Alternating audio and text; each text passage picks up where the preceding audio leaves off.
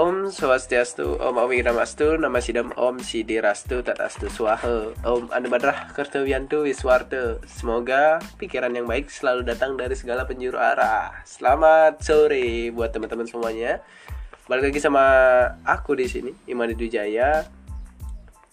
Buat yang belum tahu aku, aku adalah uh, mahasiswa dari Setah Negeri Empu Putran Singaraja dengan mengambil prodi ilmu komunikasi yang mana kelasku itu namanya Ilkom 2C ya, dulu aku pernah sekolah di SMA Negeri 1 seperti Raman. Nah SMA ini ada di Lampung Tengah Kecamatan Sutiraman nah, di SMA itu dulu aku pernah menjabat jadi wakil ketua OSIS terus menjabat menjadi ketua MPK lalu pernah juga menjabat sebagai wakil ketua ekskul kerohanian Hindu Nah, kalau di Banjar sendiri, aku pernah menjabat sebagai ketua muda-mudi di Banjarku. Nah, di sini dalam kesempatan podcast kali ini aku nggak ditemenin siapa-siapa ya.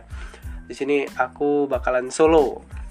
Tapi aku akan menjawab beberapa pertanyaan-pertanyaan yang diberikan sama aku lumayan banyak sih, hampir ada 10 pertanyaan tentang apa ini?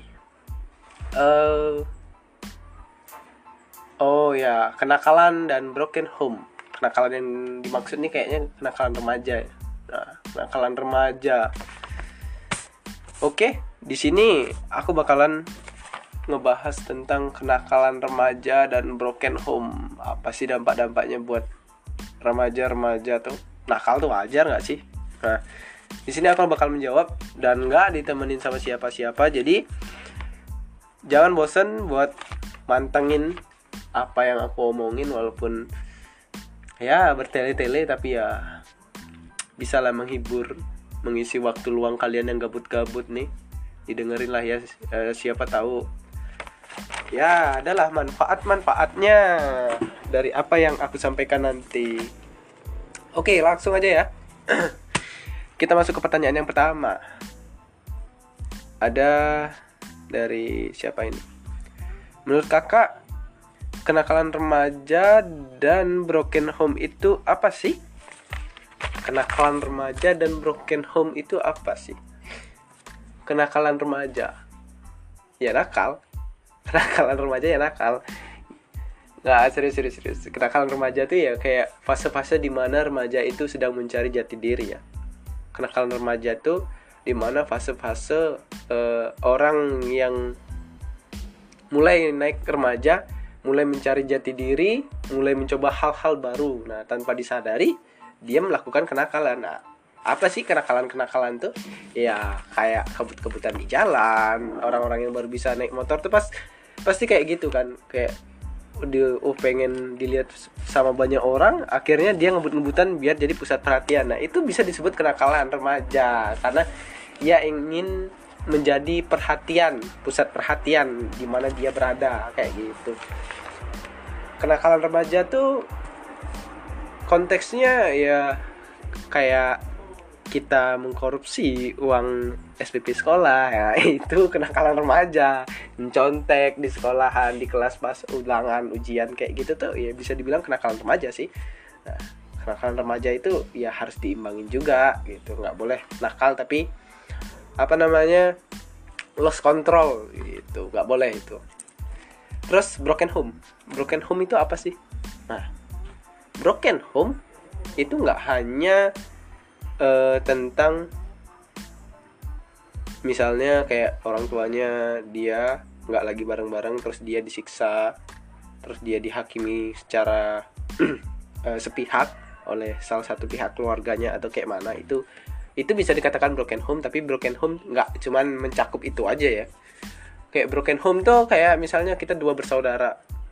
Nah kita anak kedua nih. Setiap hari kita dibanding bandingin setiap hari kita disalahin setiap hari pokoknya anak pertama yang dijunjung tinggi sama keluarga kita. Sehingga kita tertekan di sana di posisi itu ya itu bisa dibilang broken home. Broken home tuh pokoknya kayak kita ada di kondisi kita tertekan di keluarga kita gitu. Entah karena sebab apa pun itu ya, itu bisa dikatakan broken home seperti itu. Terus ada pertanyaan lagi nih apa yang menyebabkan kenakalan remaja? Balik lagi kayak yang tak bilang tadi kenakalan remaja ya disebabkan karena remaja itu sedang mencari jati diri. Remaja itu sedang mencari jati diri dia pengen tahu nih dia tuh kayak mana si anaknya gitu. Remaja itu kan juga fase di mana anak itu uh, senang sekali mencoba-coba gitu. Jadi kalau apa namanya anak yang baru naik remaja dan nggak dapat pengawasan dari orang tuanya dengan signifikan itu bisa berbahaya banget loh.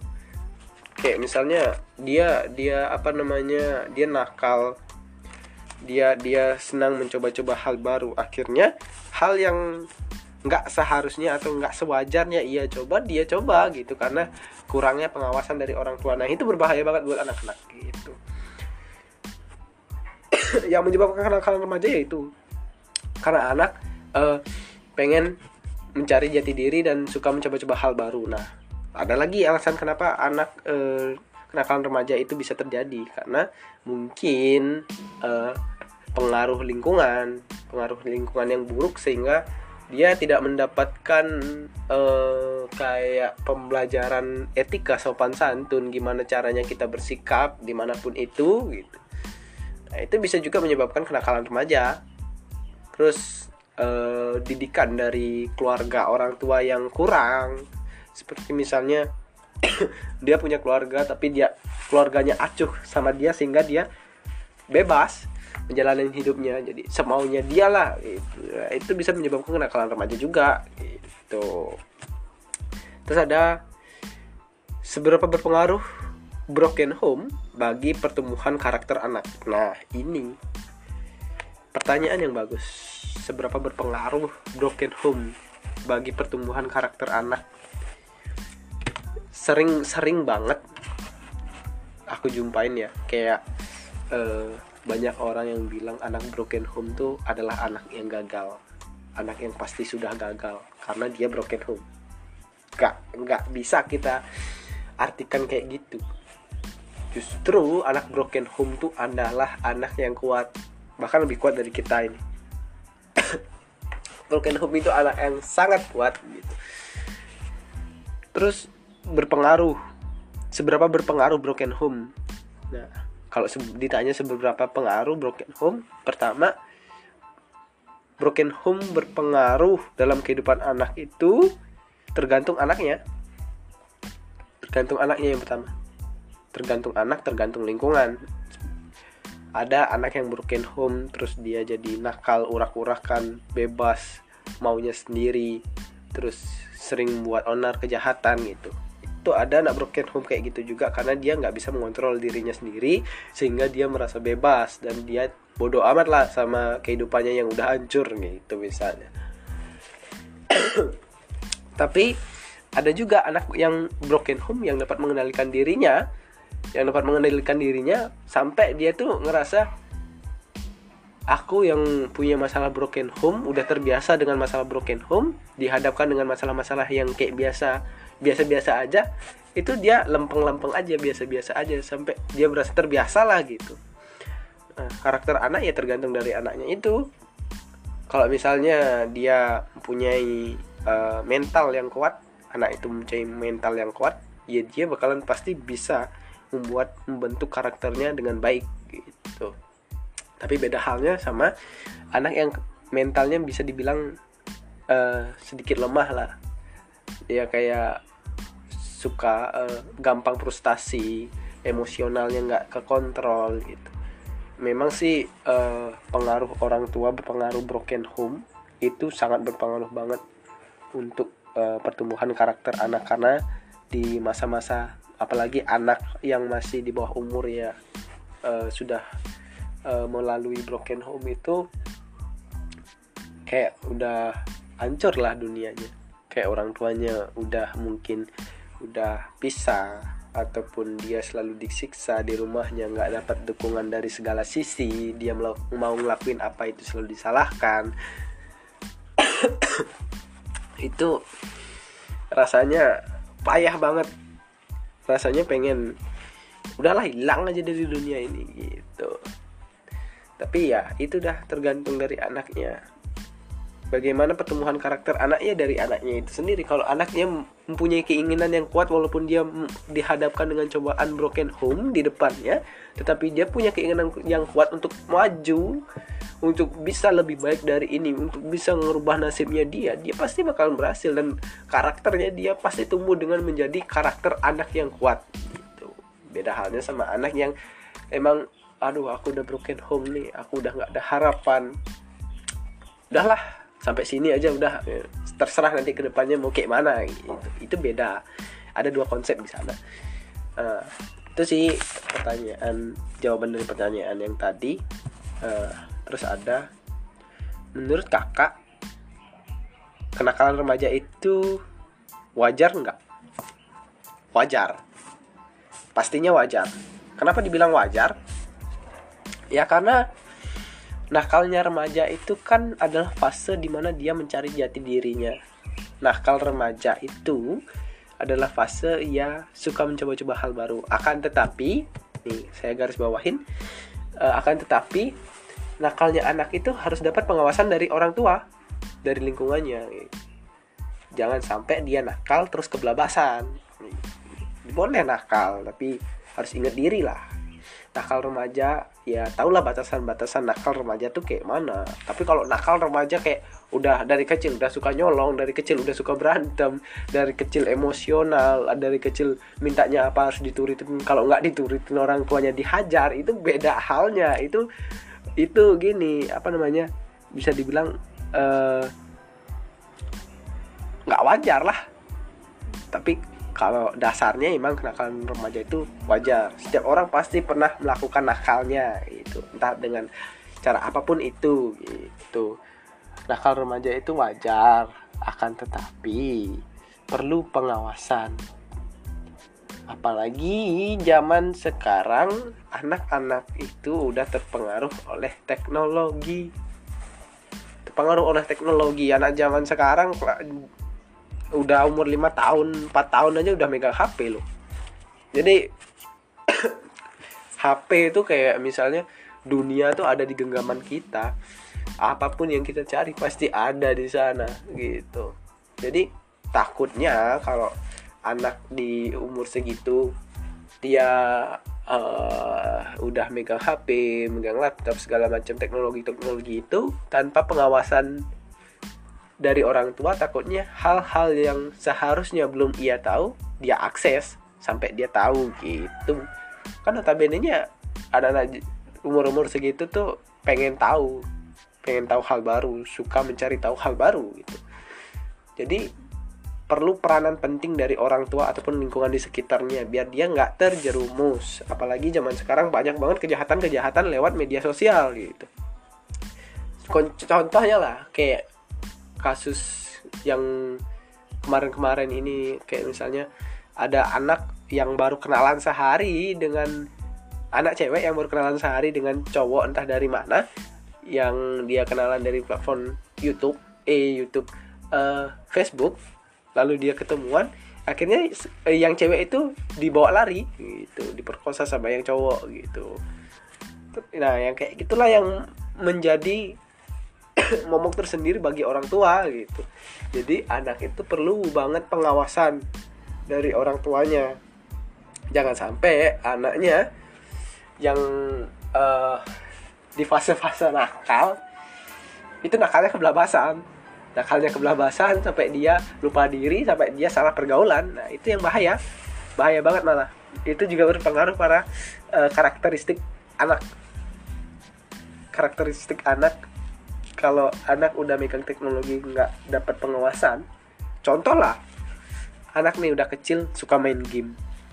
Dia dengar-dengar omongan dari orang-orang kalau kalah main game gitu. Kan omongan orang pasti kalau kalah main game tuh kayak omong-omong kasar itu keluar semua. Nah di fase itu kan uh, fase sang anak itu menangkap segala sesuatu yang diterimanya kayak dari bahasa pun dia dapat menangkap dengan cepat gitu kalau ada orang yang lebih gede dari dia ngomong kasar pasti dia bakalan ikut ngomong kasar nah itu kalau istilah Balinya anak di umur 5 sampai 4 tahun tuh di fase sedang nuduk munyi ya gitu dia dia apa memungut omongan-omongan orang gitu. jadi dia mencontoh omongan-omongan orang yang diterimanya gitu. jadi kalau dari kecil aja sang anak udah uh, apa namanya mendengarkan omongan-omongan yang tak bagus karena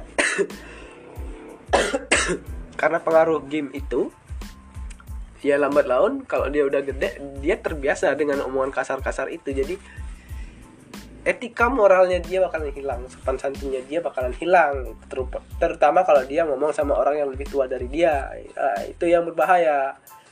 Nah itu tadi terus ada lagi seberapa penting peran orang tua bagi pertumbuhan anak nah yang sama aja yang kayak tak jelasin tadi uh, peranan orang tua itu sangat penting Kenapa penting? Karena pembelajaran pertama yang diterima anak setelah ia lahir adalah dari orang tua dari keluarga. Segala sikap, segala sesuatu omongan itu dari orang tua yang pertama yang ditiru uh, sama anaknya gitu. Orang tua itu adalah guru bagi bagi anaknya. Kalau di dalam ajaran Hindu dibilang guru rupaka. Orang tua, guru rupaka itu adalah orang tua yang membimbing anaknya sedari kecil gitu. Kenapa orang tua sangat penting? Karena uh, satu orang tua wajib memberikan ajaran-ajaran dharma, sopan santun, etika sedari kecil kepada sang anak sehingga diharapkan ya uh, besok kalau udah dia anaknya udah gede gitu, anaknya punya etika sopan santun kalau lagi ngobrol sama orang lain ya harapannya kayak gitu gitu. Bersikap sama orang lain sopan apalagi sama orang yang lebih tua gitu. Nah itu contoh-contoh harusnya orang tua memberikan pembelajaran kepada anaknya. Tetapi banyak sekarang kasus kayak uh, orang tua mentelantarkan anaknya orang tua kayak nggak respect sama anaknya bodoh amat lah sama anaknya gitu. mau mau mu kayak mana gitu nah tapi setelah anaknya uh, anaknya di, dibiarkan begitu saja melakukan segala hal yang dia mau. Lalu sampai satu ketika jikalau anaknya membuat suatu kesalahan yang berdampak bagi keluarganya, membawa-bawa nama keluarganya, pasti orang tuanya marah banget. Kamu ini gini gini gini malu-maluin keluarga aja gitu. Padahal tanpa disadarin orang tualah yang menyebabkan anaknya jadi kayak gitu gitu loh. Kita perlu sadar, sadar diri sebenarnya anak itu adalah anugerah. Jadi sudah sewajarnya kita sebagai orang tua, eh, bukan kita ya, orang tua. Saya belum jadi orang tua. Orang tua hendaknya selalu memberikan yang terbaik kepada anaknya. Gitu. Orang tua harus bisa menjadi guru, orang tua harus bisa menjadi teman, orang tua harus bisa menjadi pembimbing, orang tua harus bisa menjadi tempat pulang bagi anaknya. Gitu kebanyakan orang tua sekarang uh, orang Bali bilang galak ngawagin sama anaknya sehingga galak ngawagin tuh kayak uh, orang tuanya galak tanpa alasan kepada anaknya. Segala sesuatu tuh digalain gitu. Pokoknya harus gini harus gini harus gini. Kalau anaknya ngebantah dihajar dihantam gitu diocehin gitu. Nah hal yang kayak gitu sebenarnya yang membuat anak itu canggung sama orang tuanya. Nah kalau besok anaknya ada masalah internal masalah pribadi gitu kayak misalnya anaknya tertekan karena tugas-tugas sekolah apalagi sekarang daring kan orang tua itu banyak yang ikut ambil andil dalam pembuatan tugas-tugas anak-anak SD SMP bahkan SMA SMA pun ada yang kayak gitu gitu loh. Jadi eh, kalau orang tuanya anaknya sudah sedari kecil digalakin dikerasin anak tuh jadi canggung sama orang tuanya. Banyak kasus uh, anak bunuh diri karena depresi karena masalah karena dia tidak berani cerita sama orang tuanya. Ya karena mungkin karena itu karena orang tuanya kayak uh, masa bodoh sama masalah anaknya tapi anaknya harus nurut sama dia gitu. Jadinya anaknya nggak berani cerita apa pun masalah yang diterima anaknya dia nggak berani cerita. Sehingga kebanyakan anak mendem masalahnya sampai di titik dia nggak kuat lagi mendem masalahnya itu muncullah pikiran-pikiran untuk bunuh diri untuk apalah itu membuat keonaran segala macam gitu. Demi kayak lepas dari masalahnya lepas dari beban penatnya itu. Nah itu yang orang tua harus sadarin. Gimana caranya agar orang tua itu bisa menjadi teman untuk sharing buat anaknya sehingga anak itu ngerasa nyaman gitu.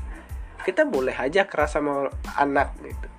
Tapi dalam batas wajar gitu. Keras karena ada alasan gitu. Kalau anaknya salah wajar kita kerasin wajar kita didik supaya dia tidak melakukan hal kayak gitu lagi. Tapi kalau marahnya tanpa alasan dia marah-marah uh, anaknya nggak mau kerja dikit dimarahin anaknya.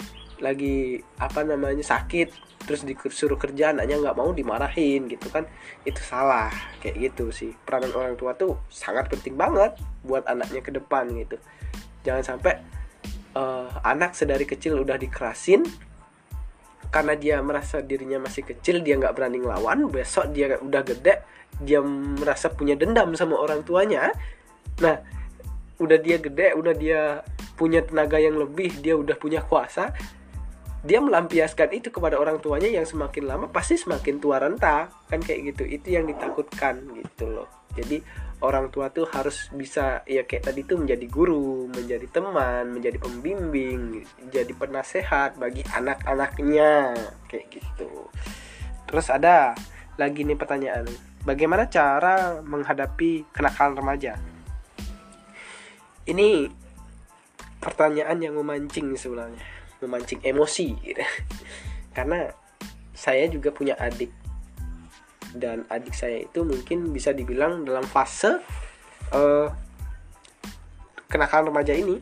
Kenakalan remaja ini uh, dia nakal. Dia baru kelas 1 SMA sekarang. Nah kelas 1 SMA aja masih nakal banget ya.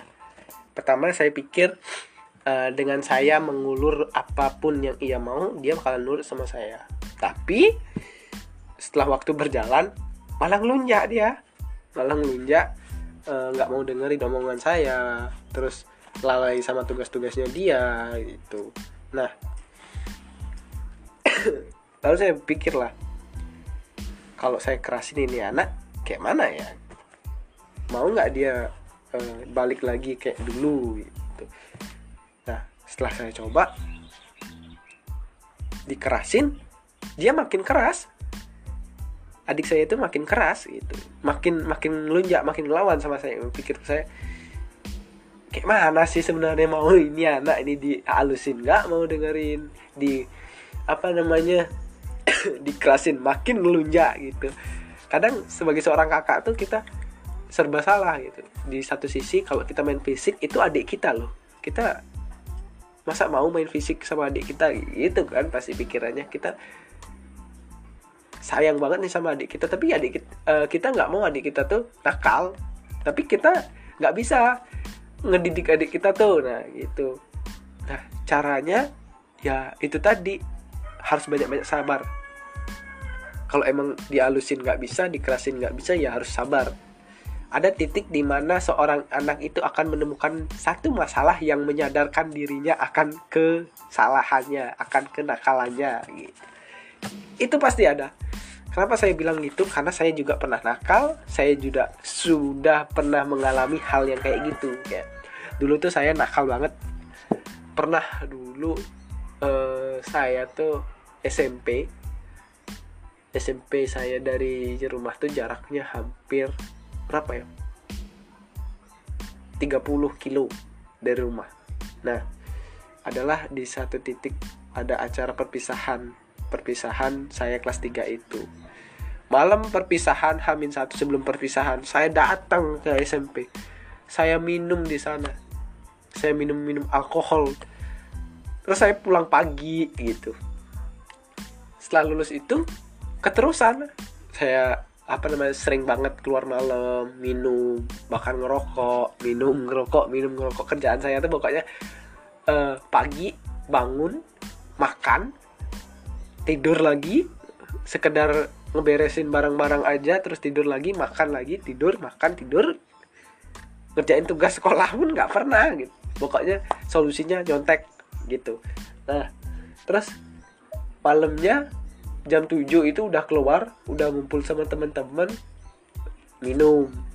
Pulang jam 2 jam 3 pagi gitu. Bangun jam 8 nanti gitu.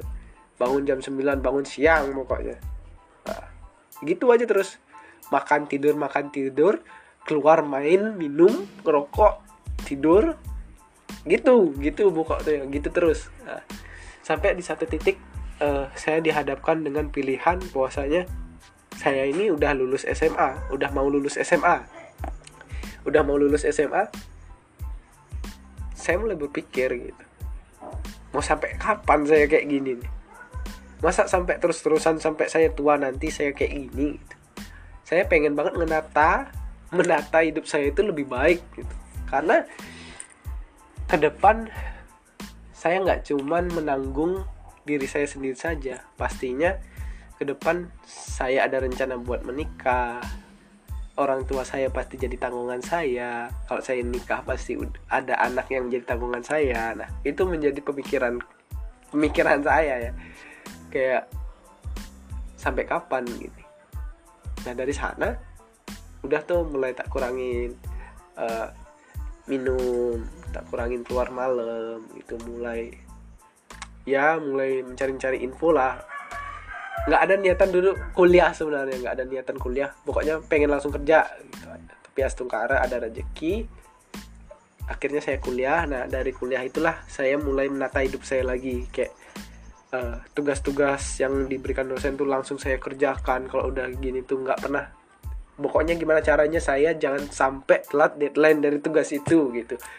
Uh, yang dulunya pas SMA saya kalau belajar itu urak-urakan terserah saya tidur di kelas segala macam di masa kuliah ini saya lebih memperbaiki diri gitu. di rumah pun gitu saya mulai rajin sembahyang Astungkara mulai rajin sembahyang dan Astungkara sampai sekarang saya ada di posisi di posisi saya sekarang. Pengalaman-pengalaman itu yang membuat saya bisa jalan sampai sekarang. Mungkin dengan seterusnya yang Astungkara bakalan nemu uh, sesuatu yang saya harapkan selama ini gitu. Jadi itu tadi balik lagi ke pembahasan yang tadi bahwasanya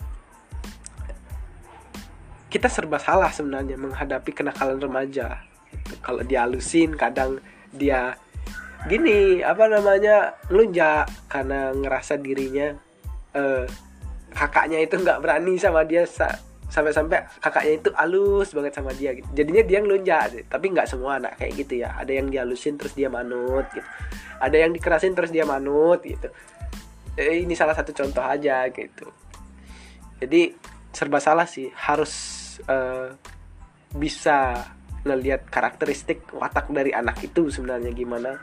Kalau kita udah bisa ngelihat karakteristik watak dari anak itu barulah kita ngambil tindakan gimana seharusnya kita menghadapi kenakalannya dia itu. Gimana cara kita buat ya itulah. Biar anak itu nggak lost control dari kenakalannya dia itu gitu. Apalagi kalau itu adik kita ataupun anak kita gitu. Lanjut. Pertanyaan berikutnya menurut kamu nakal itu perlu nggak sih? Menurut kakak kenakalan remaja itu wajar perlu? Oh perlu. Kenakalan remaja itu perlu. Perlu banget malah. Karena kalau kita nggak nakal nggak nggak asik rasanya mungkin gitu ya dibilangnya ya.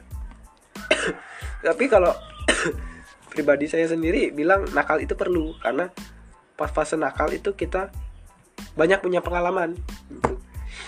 Jadi uh, contoh lah kayak kalau kita nakal kita kan biasanya minum gitu ya minum. Dari minum itu pasti kita berpikir nih dampak minum buat diri kita nih apa sih sebenarnya? Ada nggak faedahnya dampak negatif positifnya apa sih itu? Terus kita nyoba nyari tahu itu kak. Misalnya kita minum arak nih. Kalau minum arak satu botol sloki eh segelas loki setiap mau tidur itu baik buat kesehatan kita buat penghangat tubuh. Sam, uh, biar tidur kita nyenyak gitu. Pagi pun bangun enak rasanya gitu. Tapi kalau sekali minum satu botol segala macam kayak gitu ya nah itu yang salah ya itu pasti uh, akan kita cari tahu kalau pas di fase-fase kita nakal itu itu nah nakal itu jadi banyak punya pengalaman sih menurut saya. Walaupun ya nggak nakal itu juga kita punya pengalaman tapi pas fase nakal itu kayak lebih banyak aja pengalaman gitu. Tapi nggak nggak saya anjurkan untuk nakal ya. Nakal boleh tapi sewajarnya lah gitu. Jangan jangan nakal berlebihan. Harus bisa mengontrol diri gitu. Karena nakal kita itu kan kita yang ngontrol kita yang ngatur gitu. Senakal apa kita uh, sebisa apa kita ngontrol nakal kita itu ya dari kita di dari diri kita sendiri. Orang tua teman di lingkungan kita itu uh, hanya sebagai pendukung gitu. Itu sih perlu. Kalau saya bilang perlu nakal itu perlu. Tapi jangan berlebihan nakalnya gitu. Terus lanjut pertanyaan berikutnya. Apakah anak broken home itu selalu akan gagal nah ini tadi udah saya bahas. Jawabannya enggak. Enggak nah enggak enggak enggak gagal. Anak broken home itu bukan anak gagal. Anak broken home itu adalah anak yang kuat tak bilang. Kenapa kayak gitu? Saya termasuk anak broken home soalnya. Saya dua bersaudara. Sedari kecil kayak uh, saya punya kakak. Uh, perbandingan umurnya itu lumayan jauh lah 4 tahun jadi sedari kecil tuh apa pun kerjaan di rumah tuh harus saya yang ngerjakan gitu. Kalau nggak mau dihajar sama kakak saya. Pernah satu waktu saya berantem sama kakak saya saya dilempar pakai pisau kepala saya sampai bolong kena pisau. Nah, terus kayak setiap hari itu kita berantem terus sampai saya tekanan batin berantem terus nah yang dibela tuh kakak saya gitu. Terus uh, kayak setiap kakak saya mau beli apa apa pun itu kayak HP baju segala macem pasti langsung dibelikan gitu. Sedangkan saya nggak boleh beli. Harus make apa yang udah dipakai sama kakak saya gitu. jadi kayak make barang bekas kakak saya gitu. HP baju apa pun itu keperlengkapan sekolah saya buku. Bahkan buku sekolah pun dulu uh, buku sekolah itu saya pakai buku sekolah bekas kakak saya. Jadi uh, buku tulis nih buku tulis. Kalau ada yang baru dipakai setengah saya potong. Itu yang saya pakai buat gini sekolah. Jadi cuman setengah buku itu aja. Setengah buku itu kan isinya berapa ya? 58 lembar ya yang sidu itu. Nah kalau setengahnya cuman ada setengahnya yang kosong itu yang saya pakai gitu. Itu buku bekas kakak saya. Jadi saya nggak dibolehin beli buku baru gitu. Kalau ada punya kakak kenapa harus beli yang baru? Nah, sistemnya kayak gitu dulu. Sampai dulu uh, udah mulai mulai sekolah harus ada HP itu. Kayak kita untuk komunikasi lah segala macam gitu. Saya masih pakai gini HP kalau orang bilang Nokia lama itu HP ceng-ceng po gitu. jadi yang nggak bisa ngakses internet cuma bisa teleponan sama SMS-an aja jadi, nah itu saya nggak dibolehin beli HP Android karena kakak saya belum ganti HP itu jadi uh, tapi dari pengalaman-pengalaman itu saya jadi bisa untuk mengontrol diri saya untuk uh, menguatkan diri saya saya pengen membuktikan bahwa saya ini bukanlah anak yang seperti apa yang digambarkan oleh keluarga saya uh, orang tua saya keluarga saya dan keluarga yang lainnya lah. Karena saya dulu dianggap sebagai anak yang cengengesan anak yang nggak bisa apa-apa yang susah mandi jarang mandi dekil cuman tahunya main aja. Nah itu saya dianggap anak yang seperti itu. Bodoh nggak bisa baca nggak bisa hitung nggak bisa ngitung gitu. Kelas 3 SD saya dibanding bandingkan sama kakak saya. Pernah satu waktu guru saya bilang kakakmu kelas 3 SD ini udah pinter banget baca. Kamu alangkah goblok. Ya kamu kelas 3 SD belum bisa baca gitu. Baca pun masih ngeja gitu. Oh itu titik di mana saya berpikir saya ini nggak segoblok itu loh gitu. Saya pengen menunjukkan uh, apa yang saya bisa. Karena setiap anak itu membawa kepintarannya sendiri-sendiri. Setiap anak itu nggak bisa disamaratakan gitu. ada yang anak yang pinter matematika ada anak yang pinter seni budaya anak yang pinter uh, fisika kimia biologi itu nah kebetulan saya itu pinter di sosial sosial dan seni budaya lah bisa dibilang kayak gitu. Sedangkan kakak saya tuh uh, pinter di matematika segala macam. Nah itulah titik di mana saya pengen uh, nunjukin diri saya. Saya tuh mampu loh saya tuh bisa. Jangan selalu rendahkan saya gitu. Uh, bahkan teman-teman saya pun sering banget kayak ngehina gitulah kayak apa sih? Gitu loh. Apa sih yang win gitu. Apa sih yang kamu bisain? Kayak cengenges saja jadi orang gitu goblok banget jadi orang. Hmm, titik-titik kayak gitu dah saya ingin menunjukkan diri saya. Saya ini bisa loh gitu. Sampai akhirnya titik baliknya itu ada di masa SMA SMA itu nggak terlalu sih tapi nah Astungkara lah bisa ngubah statement orang-orang. Jadi saya SMA tuh pernah dulu uh, ikut lomba lomba Jenana Dharma namanya itu ada lomba Dharma Wacana Seloka Kirtanam. Mungkin yang nggak tahu Kirtanam Kirtanam itu kayak nyanyiin lagu-lagu kerohanian gitu. Nah itu uh, acaranya selampung. Selampung jadi nggak selampung tengah ataupun sekecamatan seperti Raman jadi itu selampung. Banyak SMA SMA, SMA lain yang ambil andil dalam lomba itu. Sampai ada hampir 52 peserta lebih lah gitu dalam setiap lombanya. Nah Astungkara saya bisa mendapatkan juara satu dalam lomba kita nah walaupun itu grup tapi kita semua bisalah melakukan yang terbaik saya ambil andil dalam juara itu juga gitu. Terus titik baliknya bener-bener titik baliknya itu ya pas saya kuliah gitu. Astungkara saya dapat beasiswa. Astungkara saya bisa kuliah dengan ya eh, nggak uh, terlalu memberatkan orang tua lah. Nah, di titik itu saya mulai dipandang sama keluarga saya gitu. Oh anak ini mampu ternyata gitu. Anak ini bisa ternyata gitu. Saya mulai uh, dipandang lah di lingkungan saya kayak gitu. Nggak terlalu diremehkan lagi. Nah sekarang sampai di titik ini sekarang gitu. Jadi broken home itu bukan selalu tentang anak yang gagal. Kalau kita punya kemauan yang kuat keinginan yang keinginan yang kuat buat merubah apa yang udah kita terima di titik broken home itu kita pasti selalu mendapatkan jalan. Jangan lupa sembahyang lakukan yang terbaik. Jangan jangan lakuin Eh, hal-hal uh, bodoh yang dapat merugikan diri kita ataupun orang lain gitu.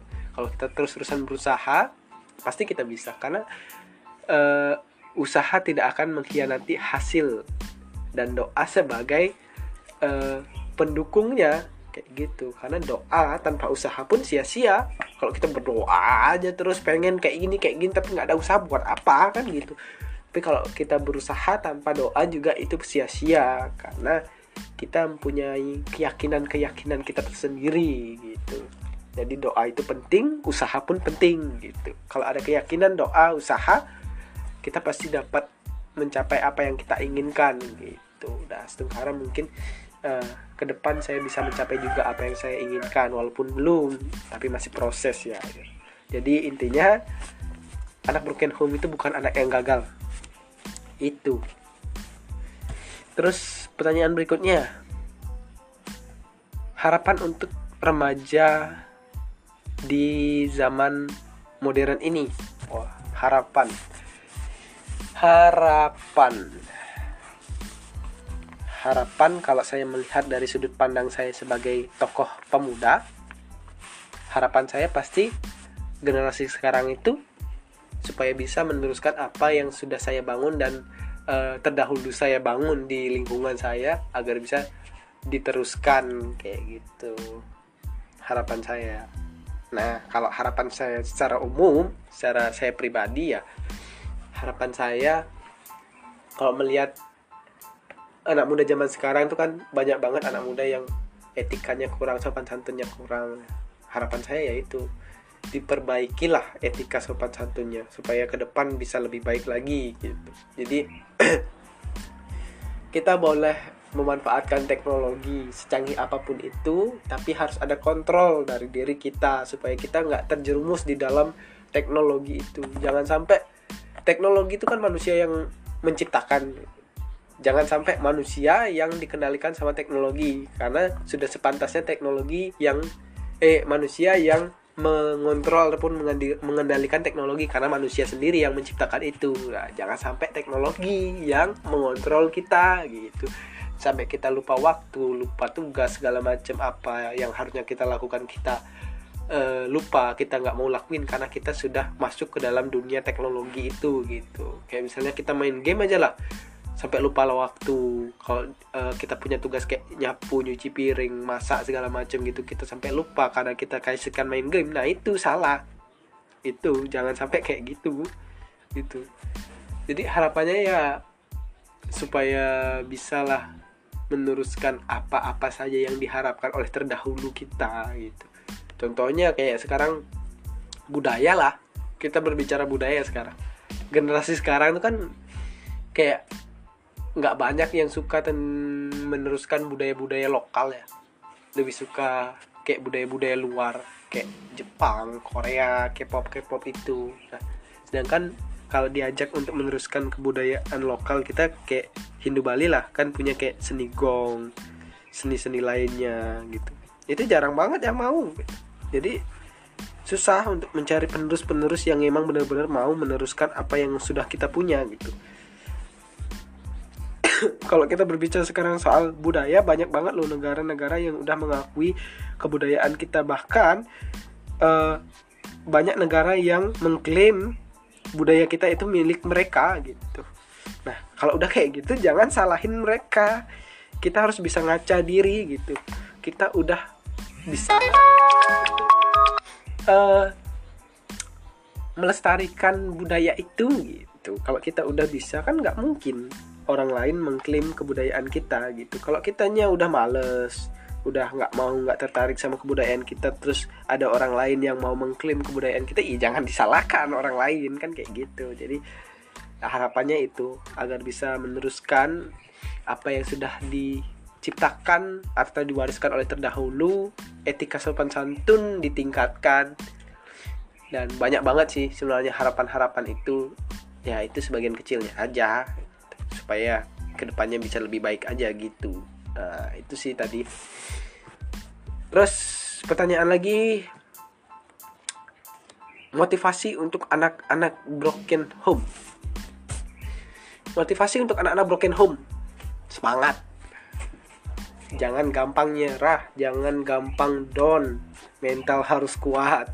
Karena anak broken home itu banyak cobaannya, nggak kayak anak-anak yang lain. Kalau anak dibilang anak broken home, pasti anak-anak yang banyak masalah di keluarganya tertekan di keluarganya sampai nggak tahu harus cerita ke mana gitu. Jadi motivasinya apa ya? Kayak jangan pernah menyalahkan keadaan.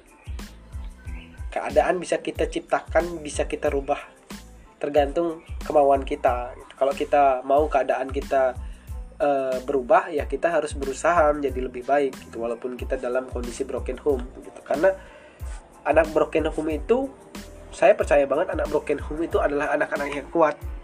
Anak-anak yang lebih kuat dari anak-anak yang lainnya yang mendapatkan kasih sayang lebih dari orang tuanya gitu. Karena dia udah terbiasa nggak dapat kasih sayang nggak dapat perhatian. Jadi dia udah terbiasa nggak dapat hal yang kayak gitu sehingga mentalnya dia lebih kuat dari anak-anak yang lain gitu. Kalau ditaruh di mana pun kayak misalnya dia merantau segala macam gitu pun dia bakalan terbiasa cepat beradaptasi sama lingkungannya karena mentalnya kuat gitu.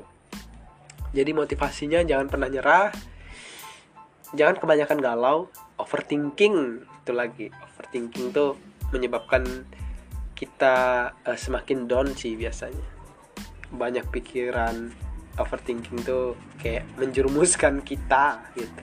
Padahal hal itu belum tentu terjadi kan. Tapi kita udah membayangkan hal itu udah terjadi. Sampai-sampai kita itu kebawa ke, ke, ke kehidupan kita yang nyata. Sampai kita uh, merasa diri kita itu udah gagal. Gagal banget gitu. Nggak mau berusaha lagi gitu sampai kita menyalahkan keadaan menyalahkan takdir gitu. Padahal takdir itu kan tertulis karena perbuatan kita gitu. Kalau perbuatan kita baik di kehidupan kita yang dulu ataupun kehidupan kita yang sekarang maka takdir kita pun bakalan baik gitu. Takdir pun perlu dibarengi dengan usaha dan doa kita supaya kita bisa mencapai apa yang kita inginkan dan takdir yang saat ini kita alami ataupun jalani bisa berubah karena takdir itu ada di tangan kita sendiri. Contohnya aja kayak kalau kita nggak punya uang kita nggak mau kerja kita bakalan nggak punya uang terus-terusan gitu. Tapi kalau kita mau berusaha mencari uang pasti kita bakalan dapat rezeki itu. Nah ketang-ketang dikit lah pasti ada aja yang datang gitu. Contohnya ya kayak gitu takdir pun juga sama kayak gitu. Kalau kita nggak mau berusaha berdoa gitu di posisi kita sekarang ya kita bakalan tetap di posisi kita yang sekarang takdir kita pun tidak akan berubah gitu jadi perlu ada usaha doa karena kita punya keyakinan keyakinan tertentu kepada Tuhan kayak gitu nah itu tadi saya uh, udah menjawab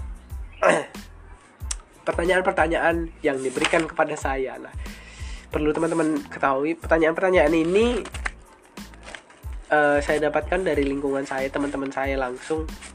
Kayak teman-teman saya itu banyak yang punya kendala tentang masalah keluarganya, merasa dirinya itu nakal gitu. Tapi dia ngerasa nakal tapi dia nggak mau keluar dari fase nakalnya dia itu gitu. Jadi dia ngasih-ngasih pertanyaan kayak gini lah gitu. Sambil iseng-iseng dia nyari jawaban gimana sih harusnya saya? Gitu. Jadi orang ya walaupun uh, bukannya saya di sini menggurui ya atau kayak mana uh, tapi kita saling sharing aja lah apa yang menurut saya tentang ini tuh maka itu yang saya bilang gitu. Jadi nggak ada. Baru saya ngomong kayak gini oh jadi orang sok pintar banget jadi orang gitu. Nggak lah nggak ada. Nggak ada yang kayak gitu. Jadi uh, kita saling sharing aja gitu. Masalah-masalah ya kehidupan sehari-hari lah. Ya kurang lebihnya banyak sudah yang hampir saya semuanya sudah mengalami hal-hal yang kayak di pertanyaan tadi gitu.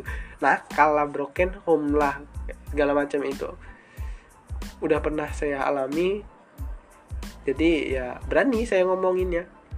Karena udah ngalamin gitu jadi ya harus bisa sabar sih. Harus banyak-banyak sabar. Nah itu tadi podcast solo dari saya makasih banget buat teman-teman yang udah mau ngasih saya pertanyaan. Ini ada 10 pertanyaan ya. Nah makasih banget juga buat teman-teman yang udah mau mendengarkan apa yang saya sampaikan saya ocehkan dari tadi. Ya walaupun ngocehnya nggak jelas mudah-mudahan ada manfaatnya lah buat kita semua. Jadi kesimpulannya bahwasanya uh, nakal itu perlu.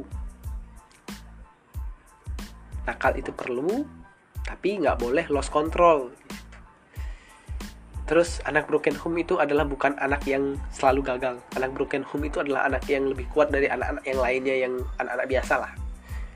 Mereka lebih kuat dari anak-anak yang biasa.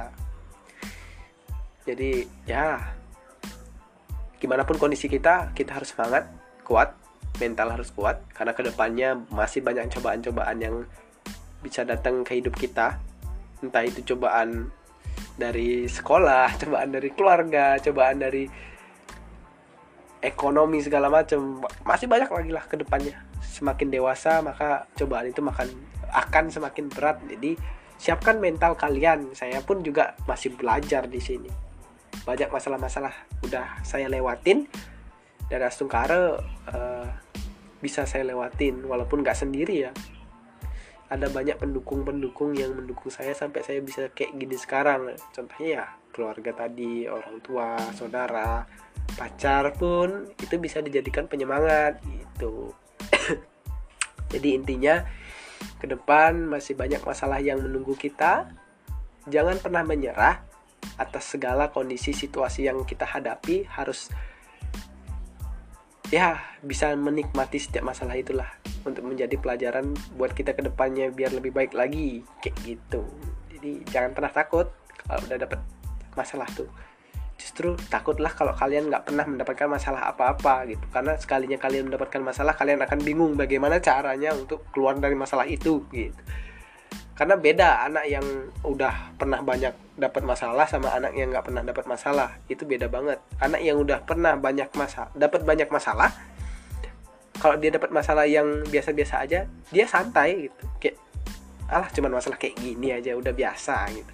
Tapi beda halnya sama anak-anak yang udah nggak uh, pernah mendapatkan masalah gitu kayak dapat sekalinya dapat masalah oh ini gimana ini ini gimana ini gimana gitu. Karena nggak tahu jalannya. Orang yang melewati jalan lika-liku sama orang yang melewati jalan yang lurus itu berbeda. Sekalinya orang yang melewati jalan yang lurus itu dikasih jalan yang belokan tajam mereka akan akan kesulitan ngelewatin itu. Tapi sekalinya anak yang orang yang udah uh, dikasih jalan gini apa namanya likaliku dikasih jalan lurus mereka bakalan bingung. Cuman gini aja. Itu pasti itulah. Nah itu tadi ocehan dari saya. Uh, makasih udah stay di podcast saya ini. Kalau ada salah kata ataupun ya perbuatan perkataan saya yang kurang berkenan di hati teman-teman saya mohon maaf kepada ide sang yang dibahas saya mohon ampun. Makasih banyak udah mau ngedengerin podcast saya. Saya tutup. Salam Santi. Om Santi Santi Santi. Om salam sejarah sejahtera bagi kita semua. Di masa pandemi ini mari ikuti protokol supaya kita uh, cepat terbebas dari masa pandemi ini supaya kita bisa normal lagi seperti biasa sekolah normal tetap muka uh, kegiatan sehari-hari kita normal lagi gitu. Tidak ada pembatas-pembatasan acara lagi tidak ada pembatasan-pembatasan acara yatnya lagi gitu. Supaya semuanya bisa kembali seperti semula. See you next time. Cuk semua. Semeton